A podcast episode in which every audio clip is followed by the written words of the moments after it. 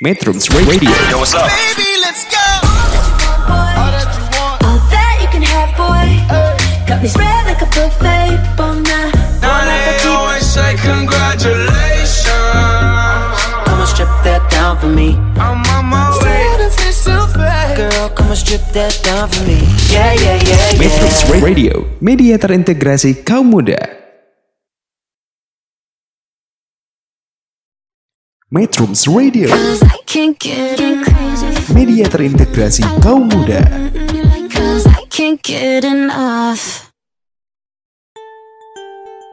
Toh damai. Protes boleh, tapi kalem. Halo metronom, selamat datang di program acara Toa Damai. Protes boleh, tapi kalem. Ini adalah sebuah platform yang diciptakan anak muda untuk menyuarakan damai. Terima kasih untuk metronom yang mendengarkan program acara Toa Damai melalui aplikasi Metrum Radio. Satu aplikasi menjelajah berbagai platform yang bisa diunduh di Play Store. Terima kasih juga kepada metronom yang mendengarkan lewat web Metrum Radio, www.metrum.co.id. Terima kasih juga kepada metronom yang telah mendengarkan aplikasi lain seperti Radio Garden, Radio Box, Radionet, Replalio, atau aplikasi lainnya dengan kata kunci Metrum Radio. Kamu mendengarkan episode 6 dengan topik Akrobat Pikiran ala si Kabayan bersama Bapak Dr. Andes Memendur Rahman M. Hum dan Dava. Episode ini disponsori oleh Dapumina. Hmm, metronom. Cari dimsum premium enak dengan harga pasti kantong. Dapumina hadir sebagai solusi. Pas buat kamu yang lagi BEM dimsum. Tersedia kemasan keluarga dan perorangan. Dapumina lagi ada penawaran spesial untuk yang mau buka usaha. Ada paket reseller dan juga paket kedai. Untuk informasi lebih lanjut ya metronom, hubungi kami di Instagram @dapumina. Terima kasih. Oke, jadi kita lanjut lagi ke episode 6. Temanya ada empat nih, teman metronom. Yang pertama, siapakah juru folklore kita siang ini? Sesi 2, saha si kabayan teh? Si kabayan teh saha? Sesi 3, belajar dari si kabayan. Dan sesi 4, masa depan si kabayan. Kita akan mulai dari sesi 1, Siapakah juru folklore kita siang ini? Di episode 6 Metronom sudah bareng sama aku, ada Raka, dan juga ada host lainnya ada Faris, dan juga kita sudah bersama dengan Bapak Memen Durrahman eh, terlebih dahulu. Jadi Pak Memen ini siapa sih? Silakan Pak boleh memperkenalkan diri. Baik, saya Mimendur Rahman. Pekerjaan sehari-hari mengajar di Departemen Pendidikan Bahasa dan Sastra Indonesia, FEBS UPI, bidang keahlian folklore atau sastra lisan. Nah, saya memang sudah mungkin kira-kira hampir 20 tahun ya mengajar mata kuliah folklore dan sastra lisan. Dan seingat saya, saya mulai meneliti Sikabayan itu sejak tahun 2000, 2007 ya. Berarti berapa tahun sampai sekarang? 14 tahun ya? 14 Iya. tahun. Wow. Jadi awalnya sebetulnya eh, setelah saya tamat S2 UI itu, saya berbincang dengan Ibu Profesor Oke Zaimar almarhum, pembimbing saya, untuk topik disertasi saya. Saya bilang saya tertarik pada Sikabayan, Bu. Wah itu bagus katanya, karena setelah gadis Belanda itu Weisman, Profesor Weisman meneliti Sikabayan kan tahun berapa itu, 18-an ya, belum ada Iya. lagi sebuah disertasi yang meneliti Sikabayan secara lengkap gitu. Nah, mudah-mudahan ini disertasi saya adalah sebuah tulisan yang lengkap, penelitian yang lengkap mengenai Sikabayan. Itu Kang Raka. Iya, baik. Nah, jadi teman-teman Metronom sudah dengar dari Pak Memen kenapa Pak Memen sangat berminat sekali ya, termotivasi untuk meneliti Kabayan sebagai folklore ini. Kemudian di eh, bersama kita sudah emang eh, sudah ada Dava nih gitu ya. Silahkan Dava memperkenalkan diri. Siapa sih Dava itu gitu dan eh, apa sih yang sedang dikerjakan dan apa, kenapa sih minat terhadap folklore gitu. Baik, selamat siang metronom. Perkenalkan nama saya Dava Imam Noval. Saya merupakan mahasiswa tingkat 3 di Departemen Pendidikan Bahasa dan Sastra Indonesia, eh, Fakultas Pendidikan Bahasa dan Sastra Universitas Pendidikan Indonesia. Alasan kenapa saya istilahnya menekuni folklore ini eh, mungkin awalnya karena memang ada sangkut pautnya dengan apa yang diajarkan Pak Memen ketika perkuliahan begitu ya dengan waktu awal meneliti tentang tentang puisi lisan, kemudian tentang naratif lisan berupa dongeng, legenda, mitos dan sebagainya. Itu langsung menarik minat saya gitu karena eh, saya berpikir awalnya tuh seru gitu. Maksudnya ketika saya mendalami folklore itu tuh seru dengan saya ke lapangan bertemu orang-orang baru yang istilahnya tidak sesuai dengan pandangan kita gitu ya. Kan kita awalnya mungkin menganggap orang itu semuanya baik gitu. Tapi ketika kita terjun ke lapangan mencoba mencari informasi terkait uh, folklore itu ternyata ya banyak aja rintangan yang kita temui gitu. Jadi itu sih mungkin uh, apa alasan utama kenapa saya tertarik terhadap folklore ini gitu Kang Oke, jadi teman-teman metronom, jadi selain ada orang tua dan de, bersama kita juga sudah ada uh, ada gitu ya anak-anak muda yang peduli terhadap folklore gitu dan tertarik juga untuk melanjutkan uh, untuk memulai merintis penelitian dan studinya terkait folklore gitu ya teman-teman metronom. Nah, mungkin ini uh, sebagai menutup gitu untuk sesi pertama hari ini gitu. Um, silahkan dijawab oleh masing-masing ya satu persatu Pak Memen kemudian Dava uh, hmm. proyek apa sih yang sedang digarap oleh masing-masing belakangan ini? Dan uh, apakah metronom bisa mengikuti up to date proyeknya jadi kalau misalnya pengen tahu lebih lanjut itu ikutin siapa ya gitu. Ada Instagramnya kah atau kah sosial media atau gimana oke silakan. Baik. Uh, saya tahun ini daftar S3 di Unpad.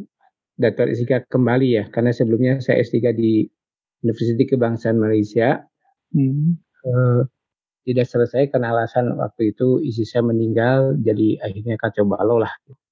Saya lanjutkan ke Unpad, tapi lepas dari itu saya akan terus dan sedang meneliti cita-cita bayan. Jadi uh, kalau kalian metronom mau ikuti, itu ada di web saya www.kangmamen.net itu saya ya. ada web saya semua tulisan saya saya unggah undah ke situ uh, termasuk tulisan-tulisan terbaru tentang Sikabayan. Jadi silakan uh, kalian mengakses itu. Tapi ya mungkin ini juga salah, bentuk begini salah satu cara saya me, memasyarakatkan gagasan-gagasan Sikabayan ya. Selain iya, saya menulis berbagai seminar, di berbagai jurnal gitu. Paling tidak Kang Raka yang sudah tahu penelitian tentang Sikabayan adalah di di Malaysia di semacam lembaga pendidikan guru di bukan di Malaysia di Singapura. Oh, di iya. Malaysia di Universitas Kebangsaan Malaysia. Jadi eh, di dua tempat itu saya saya sudah dikenal sebagai pemain kabayan gitu. Karena eh. berbagai seminar eh, mereka selalu saya membawa si kabayan. Dan mereka mengidentikan saya dan si kabayan. Jadi mereka bilang memen kabayan gitu ya. Wah. Uh, ya karena mereka dan umumnya beberapa kawan di Indonesia juga kalau saya itu identik dengan Kabayan tiap kali seminar apa apa saya selalu, mungkin orang bilang itu bosan Kang. Ya udahlah karena masih banyak aspek yang belum diteliti saya katakan. Mungkin hmm. sampai sampai Azal menjemput saya masih meneliti si Kabayan kelihatannya gitu. Wah keren sekali ya metronom. Jadi aku catat lagi nih. Jadi kalau misalkan mau tetap up to date dengan informasi ya dan juga tulisan mengenai Kabayan bisa uh, buka di websitenya kangmemen.net ya. Oke. Okay. Nah berikutnya kalau Kang Dava nih gimana nih sekarang lagi proyek apa nih gitu. Kalau aku lihat di belakangan ini Kang Dava tuh asik bikin jadi ini ya konten kreator muda ya daerah Lembang terkenal banget nih kayaknya. ya itu mah hanya selingan saja sih Kang untuk melepaskan dari ya rutinitas sehari-hari gitu. Nah, untuk kesibukan sih mungkin eh, lagi sibuk ini ya apa?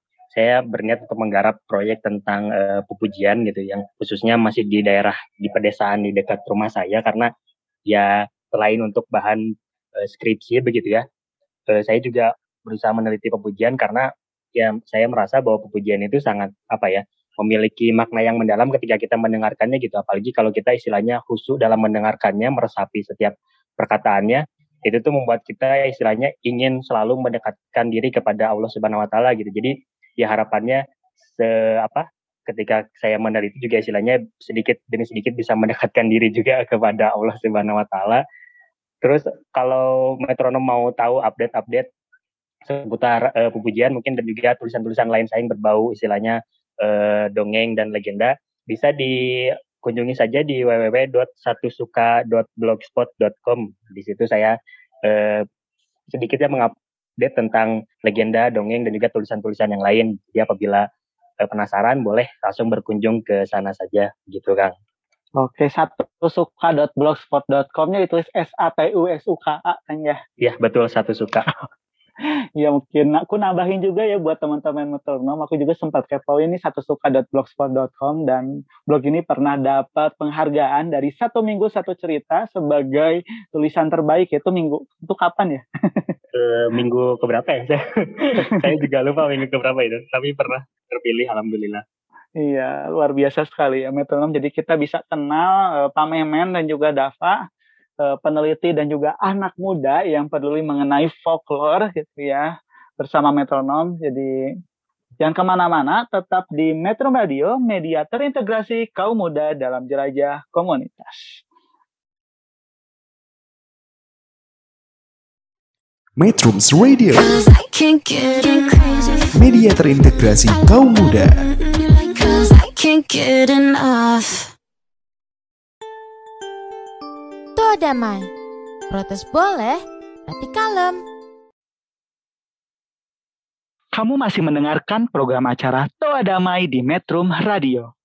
Nah, setelah perkenalan dengan narasumber kita, mari kita berkenalan dengan tokoh utama dalam perbincangan siang ini. Siapakah si Kabayan? Orang eksentrik, pemalas, atau sufi? Nah, silakan Pak Memen dan Kang Dava jelaskan kepada metronom. Siapakah itu Kabayan? Baik, eh, Kang Kabayan itu adalah tokoh rekaan ya. Tokoh yang sebetulnya tidak ada di dunia nyata. Tokoh utama dalam cerita jenaka Sunda. Nah, Kabayan ini kalau menurut Profesor Snukurungunye termasuk tokoh humor yang sangat kuat dibanding tokoh humor lainnya di Nusantara. Gitu. Jadi cerita si Kabayan masih hidup, sementara cerita-cerita jenaka yang lain sudah mati. Misalnya cerita Pak Belalang, Pak Kadok di Sumatera itu, Sumatera Barat sudah pada mati. Atau tokoh lain di Jawa, misalnya eh, tokoh ada tokoh namanya tuh Ki Joko Bodo ya. Ki Joko Bodo juga dulu sebenarnya setara dengan Sekabayan. Tapi orang Jawa sekarang sudah tidak mengenal lagi sebagai tokoh cerita jenaka. Nah, tinggal Sikabayan yang masih hidup. Bersyukur Sikabayan ber, bertahan dalam gempuran zaman. Dia bahkan tidak hanya bertahan tapi kemudian bermetaforfosis jadi film, jadi eh, bahan cerita pendek oleh Kanggo Suwarna misalnya menjadi cerita anak-anak, menjadi komik gitu di, di Sunda kaya sekali. Nah itu bagian saya saya sudah meneliti itu uh, sehingga uh, karena inilah si KBN bertahan, cerita si KBN bertahan. Kenapa? Karena orang Sunda sangat kreatif dan termasuk juga tidak tidak tidak apa ya, tidak melarang etnis lain menulis tentang si Kabayan ternyata ada juga etnis lain yang yang menulis Sikabayan ya. Jadi tidak hanya orang Sunda yang menulis tentang Sikabayan. Mungkin nanti tugas saya lah, tugas Pak Memen untuk menerjemahkannya dan membawanya ke seminar-seminar di seluruh dunia sehingga orang nanti akan mengenal bahwa ada tokoh humor sufistik sekelas Nasruddin Hoja yaitu Sikabayan.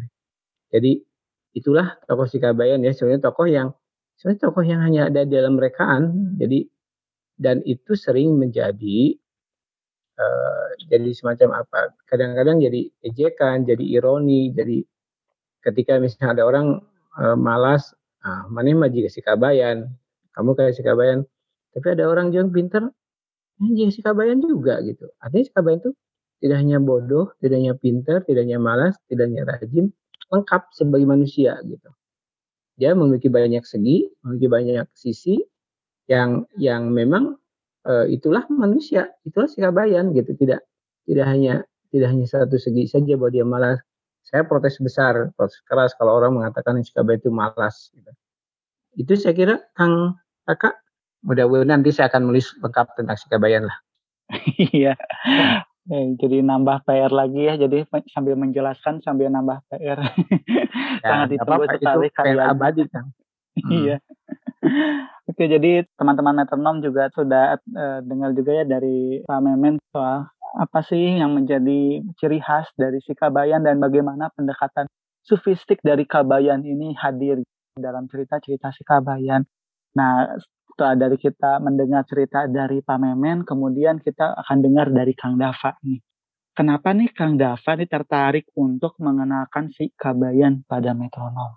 Ya, kalau untuk apa eh, alasan pertama gitu ya, kenapa sangat tertarik untuk mengenalkan Kabayan gitu khususnya, karena saya juga awalnya merupakan orang yang istilahnya hanya tahu Kabayan tuh mempunyai sifat pemalas gitu istilahnya. Terus eh, ya hal-hal yang negatif lah gitu. Karena kan banyaknya juga dari apa dari eh, tontonan-tontonan masa lalu gitu ya masa kecil kan sering ada tuh tontonan tentang Kabayan gitu ya. Terus membaca eh, salah satu karyanya gitu. Jadi kan maksudnya eh, salah satu dongeng yang menggambarkan bahwa ya si Kabayan tuh memang malas gitu. Jadi saya berasumsinya bahwa si Kabayan tuh malas. Tapi kemudian ketika masuk kuliah gitu eh, semester 2 dia kebetulan dosen punya Pak Maimen gitu. Pak Maimen mulai mengenalkan gitu tentang Kabayan itu siapa dan mengenalkan salah satu cerita yang menurut saya itu merupakan uh, titik apa ya semacam titik balik begitu ya pengubahan mindset yang saya punya terhadap Kabayan menjadi lebih baik gitu salah satu ceritanya itu yang saya sangat tertarik sampai sekarang gitu ya eh, yang si Kabayan ngalah nangka gitu. Jadi ketika di ceritanya itu kan dia diperintahkan oleh abahnya untuk mencari nangka gitu ya. Ketika Kabayan bertemu nangkanya, istilahnya nangkanya sudah matang dan ditebang, kemudian karena bobotnya yang besar dan juga berat istilahnya gitu. Jadi Kabayan eh, tidak bisa membawanya gitu karena ya capek juga membawa nangka yang besar gitu. Akhirnya ada semacam sungai gitu. Kemudian di istilahnya kalau Sunda dipalitkan gitu ya ya Kabayan yakin bahwa iya nangka itu sudah matang dan sudah tua gitu. Ketika sampai rumah kan ditanya oleh abahnya ke mana nangkanya gitu. Kabayan juga malah bertanya gitu maksudnya e, belum sampai rumah kan dia sudah matang, sudah tua tapi kok e, lupa jalan pulang gitu istilahnya. Nah, satu cerita itu yang membuat saya makin berpikir, wah tertarik banget nih tentang Kabayan. Kemudian untuk alasan kenapa saya tertarik mengenalkan folklore juga gitu ya, karena ya balik lagi ke apa awal saya cinta folklore sih. Karena eh, terasa dekat dengan kehidupan kita sehari-hari. Yang awalnya saya tidak menyangka bahwa itu tuh sebuah folklore. Oke, baik. Jadi luar biasa sekali ya motivasinya Kang Dava untuk menekuni uh, folklore gitu ya. Dan bagaimana dia memahami uh, cerita Kabayan itu tidak seperti yang uh, dia pikirkan sebelumnya gitu ya setelah belajar dari Pak Memen. Nah untuk ini uh, pertanyaan terakhir nih ya untuk masing-masing narasumber gitu ya. Eh, apa sih yang membedakan cerita si Kabayan dengan cerita lain yang berkembang di Tatar Pasundan? Misalkan nih seperti cerita Sakadang Kuya jeng Sakadang Monyet. Oke, silakan mau, mau dijawab oleh siapa dulu? Baik. Jadi kalau kami di kuliah kajian naratif lisan itu misalnya menjelaskan uh, ada tiga ragam cerita rakyat yaitu dongeng, legenda, dan mite. Nah, kalau Kabayan dengan dan tadi sekadang kuya dan semuanya itu sebenarnya masuk ke dalam kategori dongeng gitu ya. Hanya kalau sekadang kuya kan dongeng fabel gitu ya. Sementara kalau Kabayan adalah dongeng jenaka atau cerita humor. Kalau Kabayan menyampaikan gagasannya itu dengan humor, dengan jenaka. Kenapa? Karena orang tua kita itu sangat bijaksana. Menyindir apa, menyindir apa, memberitahu orang tuh lebih mudah dengan humor. Gitu. Dengan kalau dengan humor uh, kritik yang pedas pun tidak dirasakan pedas. Gitu. Nah, kalau si KBN itu menurut saya masuk pada kategori humor wit. Humor itu tuh humor yang tertinggi yang tidak tidak semua orang kadang bisa paham itu humor. Walaupun sebagian orang paham ya si KBN itu memang jenaka. Tetapi banyak orang tidak paham pada hakikat teks-teks si Kabayan gitu. Kenapa? Karena orang terbatas pemahamannya gitu tadi. Mengapa mereka terbatas namanya? Pertama, karena manusia hidup dengan prasangka.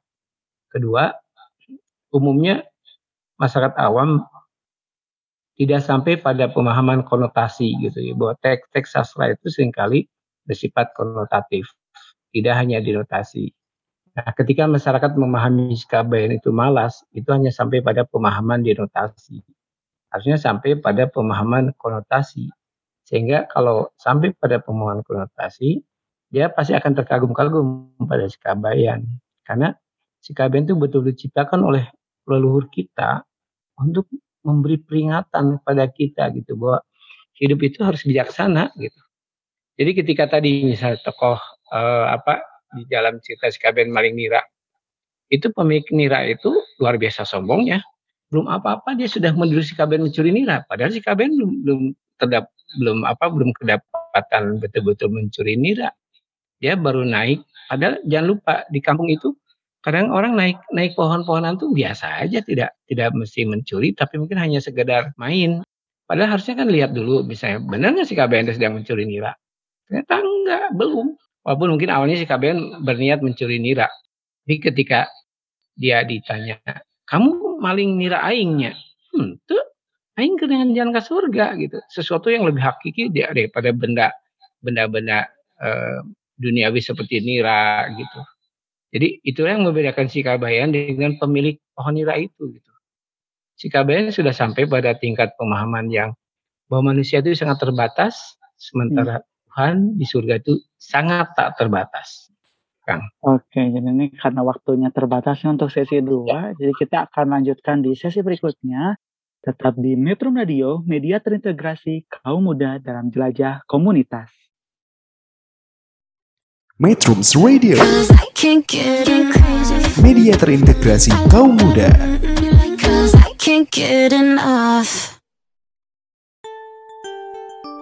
damai Protes boleh, tapi kalem Kamu masih mendengarkan program acara Toa Damai di Metrum Radio Sesi 3 Belajar dari Sikabayang Buat teman-teman metronom yang bersekolah di daerah Jawa Barat pastinya pernah mengenal cerita si Kabayan dari LKS pelajaran bahasa Sunda. Aku juga sih, aku di Garut eh, sekolahnya dan belajar banyak soal Kabayan gitu ya. Soal terus uh, ya dari LKS tebel-tebel aku ingat banget. Nah, apa sih yang teman-teman metronom ingat dari cerita tersebut? Kelucuannya kah? Kecerdikannya kah? Nah, kalau saya gitu ya ter, selalu teringat cerita si Kabayan itu ada yang pura-pura jadi penunggu pohon keramat gitu cara menyamarnya juga nggak kalah lucu karena dia membalurkan peyem ke wajah dan tubuhnya supaya kelihatan kayak hantu Untuk menyegarkan kembali cerita-cerita si Kabayan yang pernah kita dengar, yuk kita simak penjelasan bagaimana cerita si Kabayan berubah dari waktu ke waktu seiring dengan perubahan medium dari tradisi lisan ke tulisan, lalu kembali ke tradisi lisan kedua gitu. Nah, silakan Kang Dava bantu menjelaskan kembali nih penyelidikan yang dilakukan oleh Pak Memen dalam jurnalnya. Baik, kalau di dalam jurnalnya Pak Memen begitu ya, beliau kan menyoroti tentang cerita Cikabayan di tradisi lisan, kemudian beralih ke tradisi tulis, kemudian ke tradisi kelisanan kedua begitu ya yang tradisi kelisanan kedua yang di, di sini bisa dipahami adalah pengangkatan ke layar lebar mungkinnya seperti uh, film dan juga drama dan sebagainya gitu. Jadi uh, cerita si Kabayan mengalami beberapa apa pasti mengalami beberapa pengurangan ataupun penambahan yang yang pasti akan berbeda dengan uh, jenis yang pertama gitu ya mengenai uh, Kabayan dalam tradisi lisan itu pasti akan berbeda sekali karena apabila kita berbicara terkait uh, pengangkatan dari tradisi lisan ke tradisi tulis kan itu pasti ada nilai-nilai yang mungkin disesuaikan dengan tujuan misalnya eh, dibukukan cerita kabayan-kabayan itu. Ada semacam penyesuaian buku ini untuk siapa gitu? Apakah untuk anak-anak ataupun untuk anak SMA ataupun untuk e, halayak umum gitu kan pasti akan disesuaikan dari bahasa ataupun makna yang istilahnya bisa didapatkan sekali baca dari cerita tersebut gitu. Jadi pasti akan mengalami banyak perubahan. Kemudian berubah ke tradisi kelisanan kedua yaitu pengangkatan ke layar lebar gitu. Ini juga pasti akan berbeda sekali gitu dari uh, tradisi tulis maupun dari tradisi lisannya karena ya uh, di sini juga dipertimbangkan dengan baik makna dan juga alur cerita kabayan itu supaya menarik minat penonton gitu. Kalau misalnya meminjam pendapat Ibu Adiati Amir sih sebetulnya sastra lisan itu kan kalau misalnya mau tetap bertahan hidup gitu ya Eh, eh, genre-genrenya mau tetap bertahan sampai masa yang akan datang itu harus bisa berimprovisasi dengan masyarakat kekinian gitu. Kalau di pamen gitu di jurnalnya beliau kan menyampaikan apa karakteristik-karakteristik cerita Kabayan di dalam eh, tradisi lisan, tradisi tulis dan tradisi kesanan kedua gitu. Contohnya kalau misalnya eh, dalam tradisi lisan itu eh, karakteristiknya karakteristiknya populer gitu karena kan memang ya cerita itu istilahnya eh, banyak diterangkan oleh masyarakat-masyarakat misalnya oleh guru ngaji kepada eh, santri-santrinya misalkan supaya tidak ber perilaku seperti kabayan misalnya seperti itu. Terus kemudian berlanjut ke karakteristik di tradisi tulis, ya strukturnya memang sederhana gitu karena kan mengejar eh, makna yang bisa didapat oleh pembaca dalam sekali baca atau sekali dua kali baca gitu. Jadi pemak, eh, pembaca tidak perlu eh, meluangkan waktu yang banyak untuk memahami cerita kabayan di buku tertulis itu gitu. Kemudian yang terakhir mungkin di kelisanan keduanya ya mendominasi pasti dialog gitu ya di film mana mungkin sih kekurangan dialog gitu. Jadi istilahnya nanti kalau kekurangan dialog ya hampa gitu filmnya tanpa ada dialog-dialog. Terus juga ada proses penciptaannya gitu bagaimana eh, penciptaan dari tradisi kelisanan kedua, dari tradisi tulis dan juga dari tradisi lisan itu sangat berbeda sekali. Mungkin itu yang bisa disampaikan sedikit. Wow, luar biasa. Jadi yang tadi saya tangkap sih yang berkesan bagi saya adalah uh, rekreasi, reproduksi kekelisanan kedua ini menjadi yang kalau buat saya pribadi ya Raka itu jadi ingat bagaimana Jepang mereproduksi stereotip-stereotip dan sejarah dan juga kesadaran kolektif mereka ke dalam judul-judul anime baru dengan tokoh yang baru. Oke, okay. nah berikutnya ini akan dipandu oleh Kang Faris ya, silahkan. Selamat siang metronom, terima kasih untuk kesempatannya. Tadi pembahasan yang menarik banget soal tradisi kelisanan kedua dan bagaimana dia mereproduksi kembali tokoh-tokoh lama diangkat di ke layar lebar. Sekarang kita akan masuk ke pembahasan tentang bagaimana sih si pengarang itu membuat karakter Kabayan jadi sesuatu yang kalau menurut Pak Memen di sesi pertama eh, dan kedua sebelumnya itu manusiawi itu bisa jadi sangat sofistik kayak Nasruddin Hoja bisa juga jadi tokoh yang licik gitu. Tapi kalau saya baca dari jurnal gitu dan ingat lagi cerita Kabayan, dia bisa kayak gitu karena ditempatkan dengan tokoh-tokoh yang lain kayak Haji Ite, kemudian Abah, Ambu, atau pemilik Nira tadi gitu ya yang uh, jadi perbandingan kalau Kabayan tuh nyari hakikat yang lebih tinggi, kalau si pemilik Nira itu uh, sangat materialis gitu ya. Nah kalau misalkan Kabayan ini ditempatkan dengan uh, berbagai tokoh lainnya, itu apakah bakal memunculkan karakteristik yang berbeda Terus dinamikanya itu kayak gimana? Mungkin bisa dijelaskan oleh Pak Memen maupun Dava kepada metronom. Baik, baik uh, metronom sekalian. Ya seperti yang tadi saya jelaskan Kang Faris ya. Jadi si KBN itu memang kelasnya di atas tokoh-tokoh lain gitu ya. Jadi kalau misalnya dengan Abah saja ya, dengan Abah. Selama ini kan eh, tadi cerita yang di dikutip oleh Dava yang Kabayan Ngalanangka itu kan sebetulnya itu sebuah cerita yang menyindir orang tua, orang tua seperti Abah, lupa jalan pulang. Kenapa? Karena dulu di Sunda itu orang tua itu suka suka judi dan main perempuan, lalu lupa pulang ke istri pertamanya gitu. Makanya bagus sekali dengan cerita si Kabayan Ngalanangka yang nangkanya itu di, dihanyutkan di sungai. Lalu ketika Abah bertanya mana nangkanya menang kawan menang ada nangkanya ada loh mana nangkanya kan tadi sudah saya suruh pulang abah. Loh ya kan masa nangka sudah dewasa sudah tahu tua nggak tahu jalan pulang? Itu semua sindiran sekali ke abah sebetulnya. Pulang itu situ bisa sangat banyak sekali pengertiannya pemahamannya ya maknanya. Bisa pulang dalam pengertian pulang kembali betul-betul ke akhirat kepada Tuhan. Eh, nah kalau orang-orang yang hebat itu kan kadang-kadang dia dia tahu kapan akan pulang dan tahu jalan pulang. Artinya jalan menuju Tuhannya itu adalah misalnya dengan banyak beribadah segala macam bukan dengan banyak berjudi seperti Abah gitu.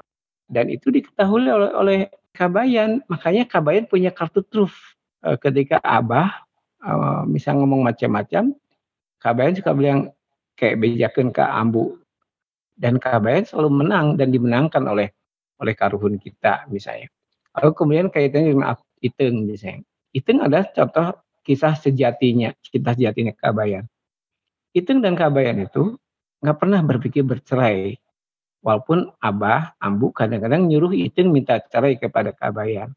Tapi kata Iteng, nah makai pepirak, nah makai pepegatan. Kang Kabayan selama ini cukup-cukup saja memberi saya nafkah.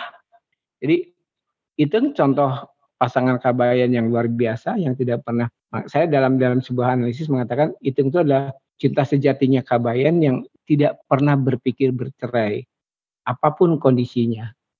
Nah, itu kan sebenarnya merujuk juga pada ajaran Islam bahwa perempuan itu surganya ada pada suami gitu. Itu apa pun yang terjadi buat itu Kabayan itu adalah pujaannya seorang yang harus ditaatinya gitu. Walaupun misalnya kita si Kabayan menang lotre, itu dan Kabayan tuh berantem membayangkan nanti kalau dapat lotre mau beli apa. Kalau itu bilang membeli mobil dulu biar bisa pelesir. Kabayan bilang membeli rumah dulu biar kita nggak usah pang di abah di ambu gitu ya. Mereka berantem terus gitu.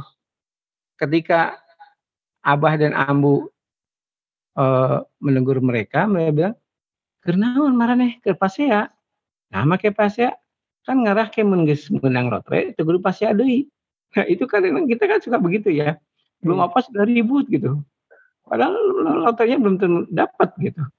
Tapi dia bilang supaya nah atuh bet pasea heula ngarah selesai. Manusia itu ya bekerja harusnya kan step by step gitu. Ada tokoh lain misalnya tokoh-tokoh sahabat-sahabat Kabayan ya, Kiar Kiar Nasib segala macam. Itu hmm. tokoh-tokoh yang memang eh, semacam prototip yang ada di di di hidup keseharian gitu. Mereka kadang-kadang memandang si Kabayan sebagai seorang yang hebat, kadang-kadang memandang si Kabayan juga sebagai manusia yang mungkin uh, apa ya wajar direndahkan. Hmm. Nah dalam cerita yang lain misalnya Kang Godi Suwarna bagus sekali menulis si Kabayan dalam cerpen Gual Guil gitu ya.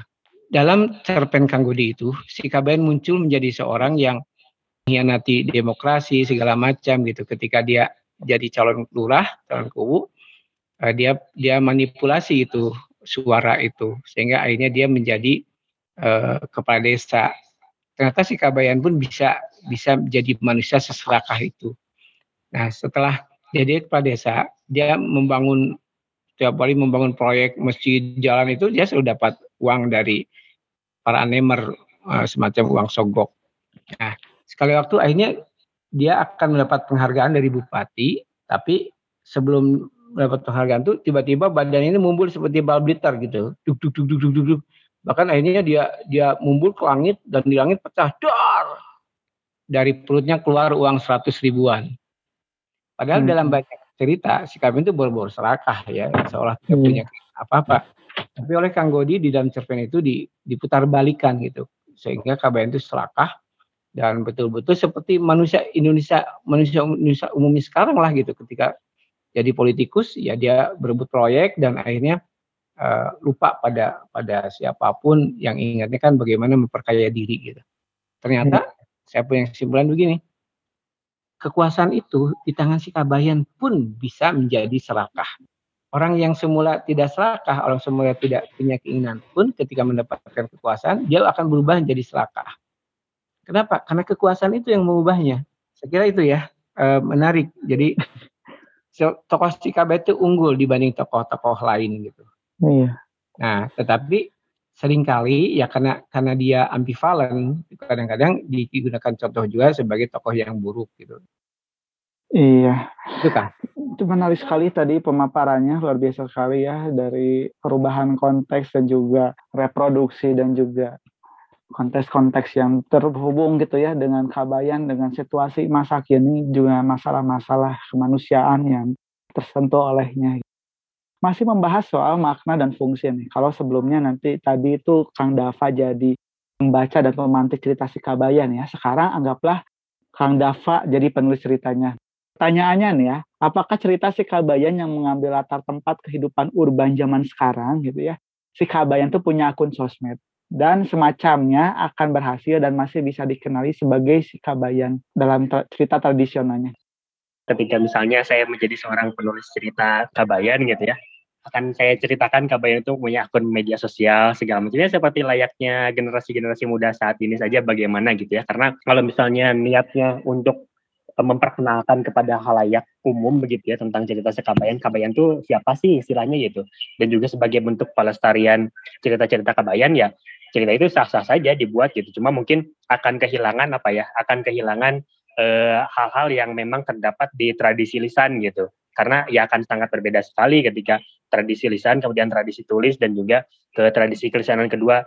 Contoh yang menarik adalah channel YouTube di Indonesia Kaya saya pernah menonton ada drama musikal itu mengangkat uh, legenda Indonesia gitu, legenda uh, Roro Jonggrang cuma dikemas dengan bagian-bagian yang memang mencerminkan kehidupan zaman sekarang gitu. Kalau misalnya permintaan Roro Jonggrang Jonggrang pada saat itu uh, membangun seribu candi di dalam drama musikal ini jadi uh, si Bandung Bondowoso itu diminta untuk melakukan live YouTube gitu ya dengan penonton minimal satu juta gitu. Jadi ketika dia live harus ada yang menonton satu juta baru cintanya akan diterima oleh uh, Roro Jograng. Nah itu kan sebetulnya mempunyai kemiripan dengan legenda aslinya gitu ya. Dia hanya saja konteksnya beda gitu. Dia hal-hal seperti itu kan dibutuhkan saat ini gitu ya untuk tetap menjaga si sastra itu tetap hidup gitu. Di, di konteks ini kan cerita Kabayan. Nah untuk menghidupkannya ya perlu dilakukan apa transmisi-transmisi seperti itu gitu terhadap tradisi kelisanan kedua salah satu contoh film yang mungkin bisa dikatakan terbaru dari uh, Kabayan yang mengangkat cerita Kabayan itu ada judulnya Kabayan jadi milioner yang dimainkan oleh Jamie Aditya kalau tidak salah dan juga Rianti Cartwright nah di situ ya masih apa masih kental sekali dengan apa cerita-cerita yang lekat dengan Kabayan gitu misalnya dia digambarkan sebagai sosok yang pemalas gitu dan abahnya sering memarahi Kabayan terus Iteng yang setia dengan Kabayan gitu nah itu modifikasinya modifikasi seperti itu menurut saya bagus sekali dilakukan di zaman ini supaya masyarakat awam terutama gitu ya eh, masih tetap mengenali eh, legenda-legenda atau ciri khas ciri khas dari daerahnya begitu. Saya boleh menambahkan Kang?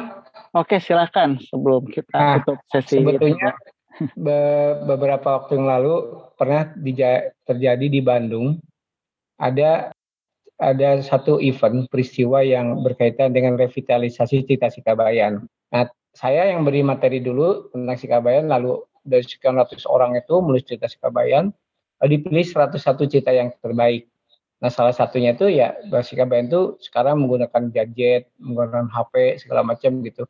Jadi Sikabayan hidup di, di masa modern yang yang memang tergantung pada media-media itu. Dia dia dia tetap saja gitu. Tapi tetap saja dia lahir sebagai tokoh jenaka gitu. Yaitu misalnya buat dia media-media itu tidak tidak terlalu apa ya tidak terlalu mengagumkan biasa aja gitu. Karena sebetulnya yang yang utama kan manusia itu hidup dengan dengan pikiran-pikirannya nah itu ada ada di buku 101 cerita Sikabayan yang diterbitkan oleh Balai Bahasa Bandung Nah, waktu revitalisasi itu saya yang memberikan dulu materi tentang Sikabayan kepada halayak waktu itu. Itu kan? Oke, baik teman-teman. Jadi kita udah dapat gambaran bagaimana kalau si Kabayan ditulis ulang dalam konteks saat ini ya kekinian. Oke, di sesi 4 kita akan bahas lebih lanjut tentang fungsinya tuh si cerita si Kabayan tuh gimana dan apa sih yang bisa kita lakukan sebagai anak muda nih ya supaya um, bisa ingat kembali dan juga melestarikan dan juga mengembangkan dan juga merekreasikan gitu ya dari cerita-cerita folklore termasuk si Kabayan. Oke, teman-teman, Metronom tetap di Metron Radio, media terintegrasi kaum muda dalam jelajah komunitas. Metrums Radio, media terintegrasi kaum muda.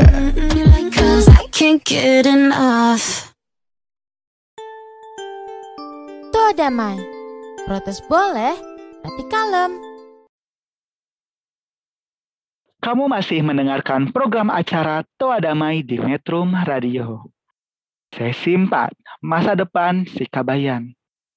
Nah, jadi di sesi-sesi sebelumnya, tiga sesi sebelumnya kita sudah mendengarkan apa sih itu si Kabayan, bagaimana si Kabayan, kemudian ada beberapa cerita si Kabayan yang, yang sudah dibagikan kepada metronom. Nah, sekarang kita memah cari tahu nih sebenarnya fungsi cerita si Kabayan itu apa sih yang paling dibutuhkan di zaman sekarang gitu. Apakah fungsi pengesahan kebudayaan, pengendali sosial, alat pendidikan, hiburan, atau protes? Nah, silakan Pak Memen. Baik, uh, ada banyak fungsi yang bisa dilakukan oleh cerita, cerita Kabayan seperti itu ya. Misalnya salah satunya adalah fungsi proyeksi. Misalnya di dalam cerita tadi si Kabayan apa e, ngalan nangka yang dikutip Dava itu itu kan proyeksi bahwa kita masyarakat Sunda tuh menginginkan orang dewasa tuh ya dewasa lah jangan seperti abah dewasa tapi bubudaken gitu. Harusnya Abah memberi contoh, tidak harus ditegur oleh si Kabayan dengan cerita itu gitu. Sehingga ya Abah itu betul-betul jadi orang tua gitu. Nah di cerita yang lain juga misalnya kadang-kadang Abah itu tidak tidak apa ya tidak tidak dewasa, tekoloten kalau kata orang Sunda. Misalnya ada satu cerita yang gini misalnya. Ketika mereka mengambil ijuk, Abah dan Kabayan itu pergi ke hutan untuk mengambil ijuk gitu. Nah, tetapi KBN timbul rasa isengnya gitu untuk ngerjain Abah gitu ya. Lalu KBN masuk ke ke apa ke panggulan ijuk itu. Kan orang Sunda suka ada ijuk tuh di depan dan di belakang dipakai tanggungan gitu ya. Eh, kata Abah "Teh, ini berat-berat amat ijuk berarti banyak sekali ya. Ketika sampai ke rumah, KBN berkeluar dari ijuk tuh. Wah, dasar ontohot ya KBN. Nah, kemudian eh, berikutnya mereka pun pergi lagi pada hari yang lain ke hutan. Kabayan tahu Abah akan membalas. Nah, tapi Abah, Kabayan pun sudah menyiapkan jurus ya untuk untuk menaklukkan Abah gitu. Jadi ketika Abah masuk ke Ijuk yang mau dipikul Kabayan, Kabayan pura-pura gini. Saya bakar dulu lah Ijuknya karena banyak ulat gitu. Nah, Abah kan takut gitu, takut kebakar, jadi keluar. Terus kata Abah Bayan, Iya Abah, kenapa jika budak atuh? Nah, Abah masuk ke ijuk. Nah, Abah tidak bisa apa-apa. Nah, itu banyak sekali Kang cerita yang yang nyaris semua cerita itu berpihak pada si Kabayan gitu. Jadi saya menganggap orang tua kita dulu tuh, leluhur kita itu ber, apa? berpihak pada anak muda gitu, tidak berpihak pada orang tua. Kenapa? Karena anak muda itu memang lebih jujur, lebih apa, lebih apa bahwa kadang-kadang anak muda itu suka ngerjain orang tua, tapi masa orang tua harus membalasnya juga? Seperti yang dilakukan Abah gitu misalnya. Jadi saya kira fungsi proyeksi sebetulnya menurut saya di samping fungsi sosial misalnya itu kalau fungsi proyeksi kan berkaitan dengan gambaran masyarakat yang idealkan gitu. Fungsi lain ya seperti tadi yang akan katakan bisa juga berfungsi me, apa menjadi eh, pengesahan kebudayaan, pengendali sosial atau pendidikan. betul Iya. pengesahan kebudayaan misalnya siapa pun tidak hanya orang Sunda gitu ya harus harus me- mengejar ketertinggalan lah. Selama ini kan orang Sunda sepertinya itu ketinggalan dari orang Jawa, orang Minang gitu di Indonesia misalnya. Kenapa? Karena saya melihat orang Sunda itu eh, terlalu terlena oleh oleh alam yang bobokan gitu. Padahal dalam dalam cita-cita si KBN yang lain misalnya digambarkan ya si KBN itu bekerja. Contoh tadi yang akan kutip ya, yang si KBN itu akhirnya melumuri dirinya dengan peyem dan dia gugulingan di atas pohon, di atas bulu-bulu angsa sehingga tubuhnya seperti genderuwo gitu. Itu cerita itu kan menggambarkan bagaimana Abah yang kikir ya. Karena itu kan cerita tentang tentang Abah panen Lalu ketika mau panen itu Kabayan nggak diajak. Kenapa? Karena ya itu karena kata Abah Kabayan mah kedul gitu.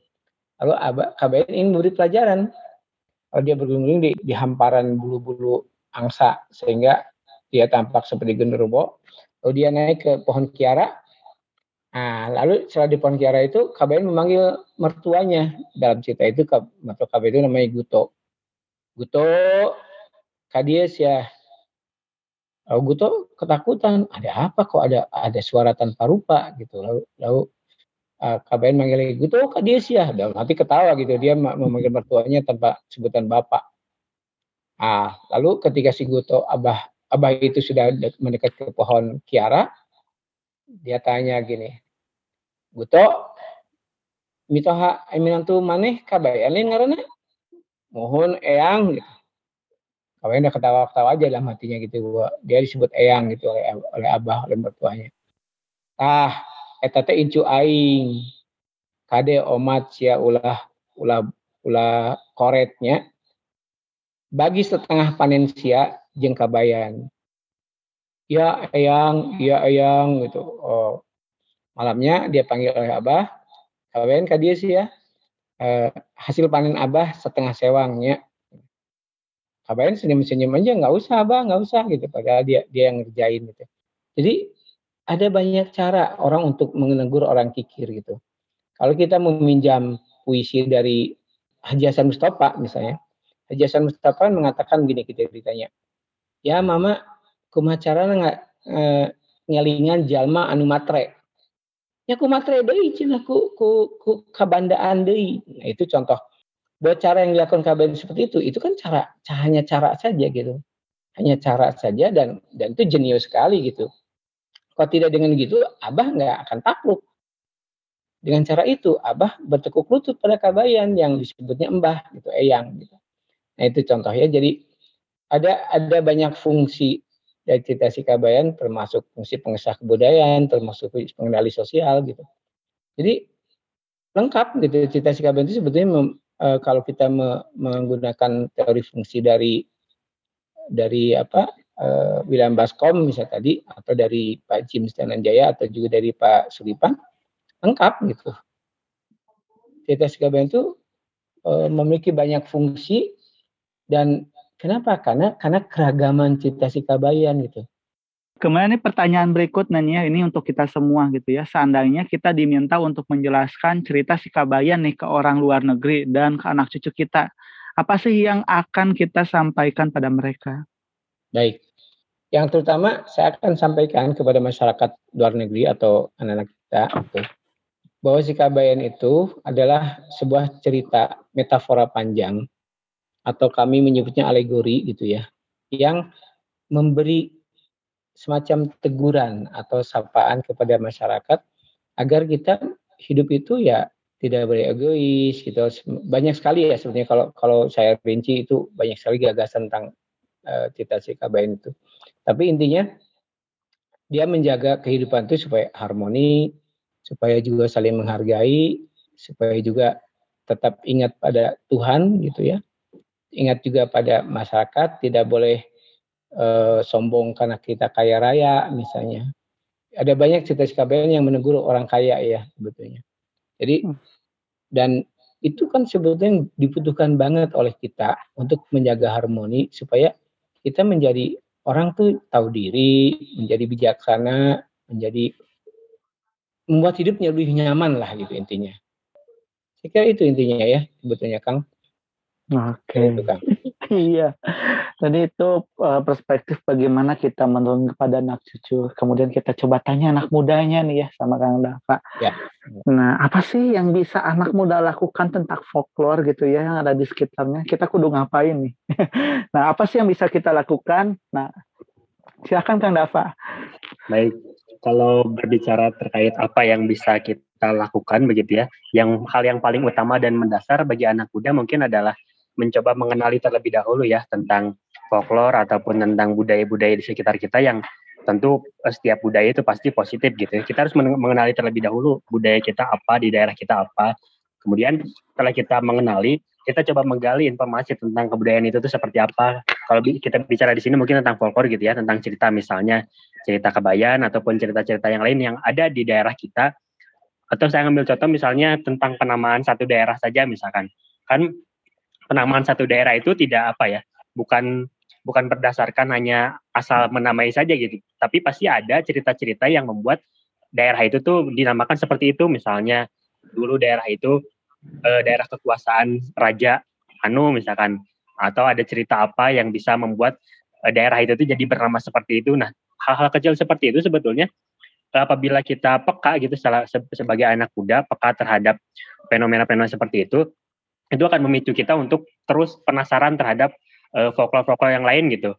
Tentang dongeng, tentang mite, tentang legenda atau tentang puisi lisan segala macam itu akan istilahnya men-trigger kita gitu untuk mencari tahu info-info yang lain. Misalnya ah saya pengen ke daerah Bandung misalkan ada apa sih di daerah Bandung gitu atau daerah Sukabumi?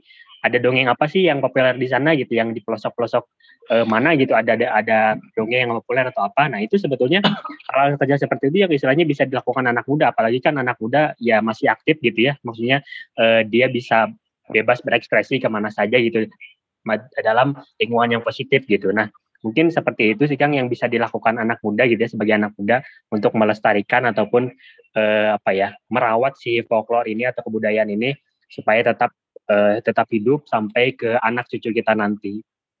Oke, jadi kata kuncinya adalah kreativitas tanpa batas dari anak muda. Oke, betul, betul ya.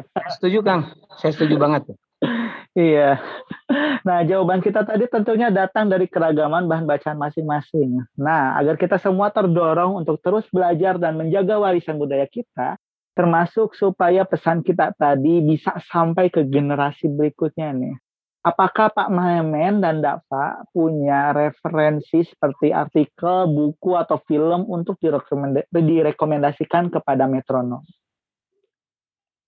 Eh, tulisan-tulisan saya di web saya mungkin bisa itu Kang. Oke. Nanti si- silakan buka www.kangbamen.net itu ya. Oke, Dan noted ya. Nah, kelihatannya ada banyak. Misalnya tadi buku yang diterbitkan oleh Bahasa itu, yang 1001 101 Cita Si KBN bisa jadi referensi juga. Itu ditulis oleh oh, beragam orang dari beragam daerah, dari beragam umur juga gitu, dari yang tertua sampai yang termuda gitu. Menarik itu. Eh, nanti mungkin sekali waktu mungkin saya bisa kirim ke metronom ya, eh, itu kopinya misalnya. Ya, boleh banget Pak ditunggu. Luar biasa. Terus Iya. Eh, ya, mungkin nanti saya akan nulis banyak juga di pikiran rakyat dan Mangle ya. Eh, Iya. selama ini saya agak absen gitu. Kenapa? Karena saya menugasi diri saya, Kang, untuk tidak hanya bicara soal kabayan sih ya. Pada ini saya ingin kembali orang-orang itu mengenali tradisinya, mengenali budayanya seperti orang Jepang memahami kebudayaannya gitu. Jepang adalah contoh terbaik tentang sebuah bangsa yang menghargai kebudayaannya menghargai folklornya, menghargai semua tradisinya gitu. Mereka menjadi modern tanpa harus kehilangan tradisi. Itu contoh yang luar biasa gitu. Kita kadang-kadang baru belum jadi modern tapi udah merupakan tradisi gitu. Jadi kan tradisi itu diciptakan oleh leluhur kita bertahun-tahun bergenerasi-generasi eh itu yang mungkin paling cocok buat kita. Sebagai contoh misalnya tradisi kita makan lalap nih. Orang Sunda karena kita umumnya hidup di pegunungan ya lalap itu tumbuh dengan baik. Dan ternyata lalap itu kan dari kesehatan luar biasa gitu. Iya. sekarang orang bilang harus makanan berserat. Itu semua ada di lalap kan di sayuran gitu jadi Hmm. kalau kita kembali kepada tradisi makan orang Sunda mungkin nggak ada penyakit-penyakit kolesterol gitu segala macam itu kenapa karena kita terjaga gitu eh, nutrisinya gitu makan itu kan juga tidak berlebihan. Kenapa kita akhirnya duduk harus duduk sila?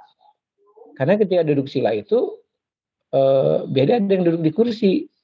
Makanan itu tidak akan tidak akan berlebihan gitu, cukup sepertiganya seperti yang diajarkan oleh Rasulullah misalnya. Kenapa juga harus diakel misalnya? Nasi itu kan ketika diakel asap uap asapnya itu kan pergi dan itu yang yang buat penyakit gitu. Kenapa ketika kita terus makan nasi padang yang tanpa diakel banyak penyakit kan gitu. Tapi ketika orang Sunda makan di ake, itu nasi itu yang yang ada tidak panas tapi hangat gitu. Tidak dingin juga tapi hangat gitu. Beda kan gitu. Jadi kalau kita kembali kepada tradisi sebetulnya itulah yang sesuai dengan hidup kita gitu. Kalau kita kembali ke tradisi itu insya Allah kita akan jauh lebih sehat. Saya kira begitu Kang. Oke. Kalau dari eh, Kang Dava gimana?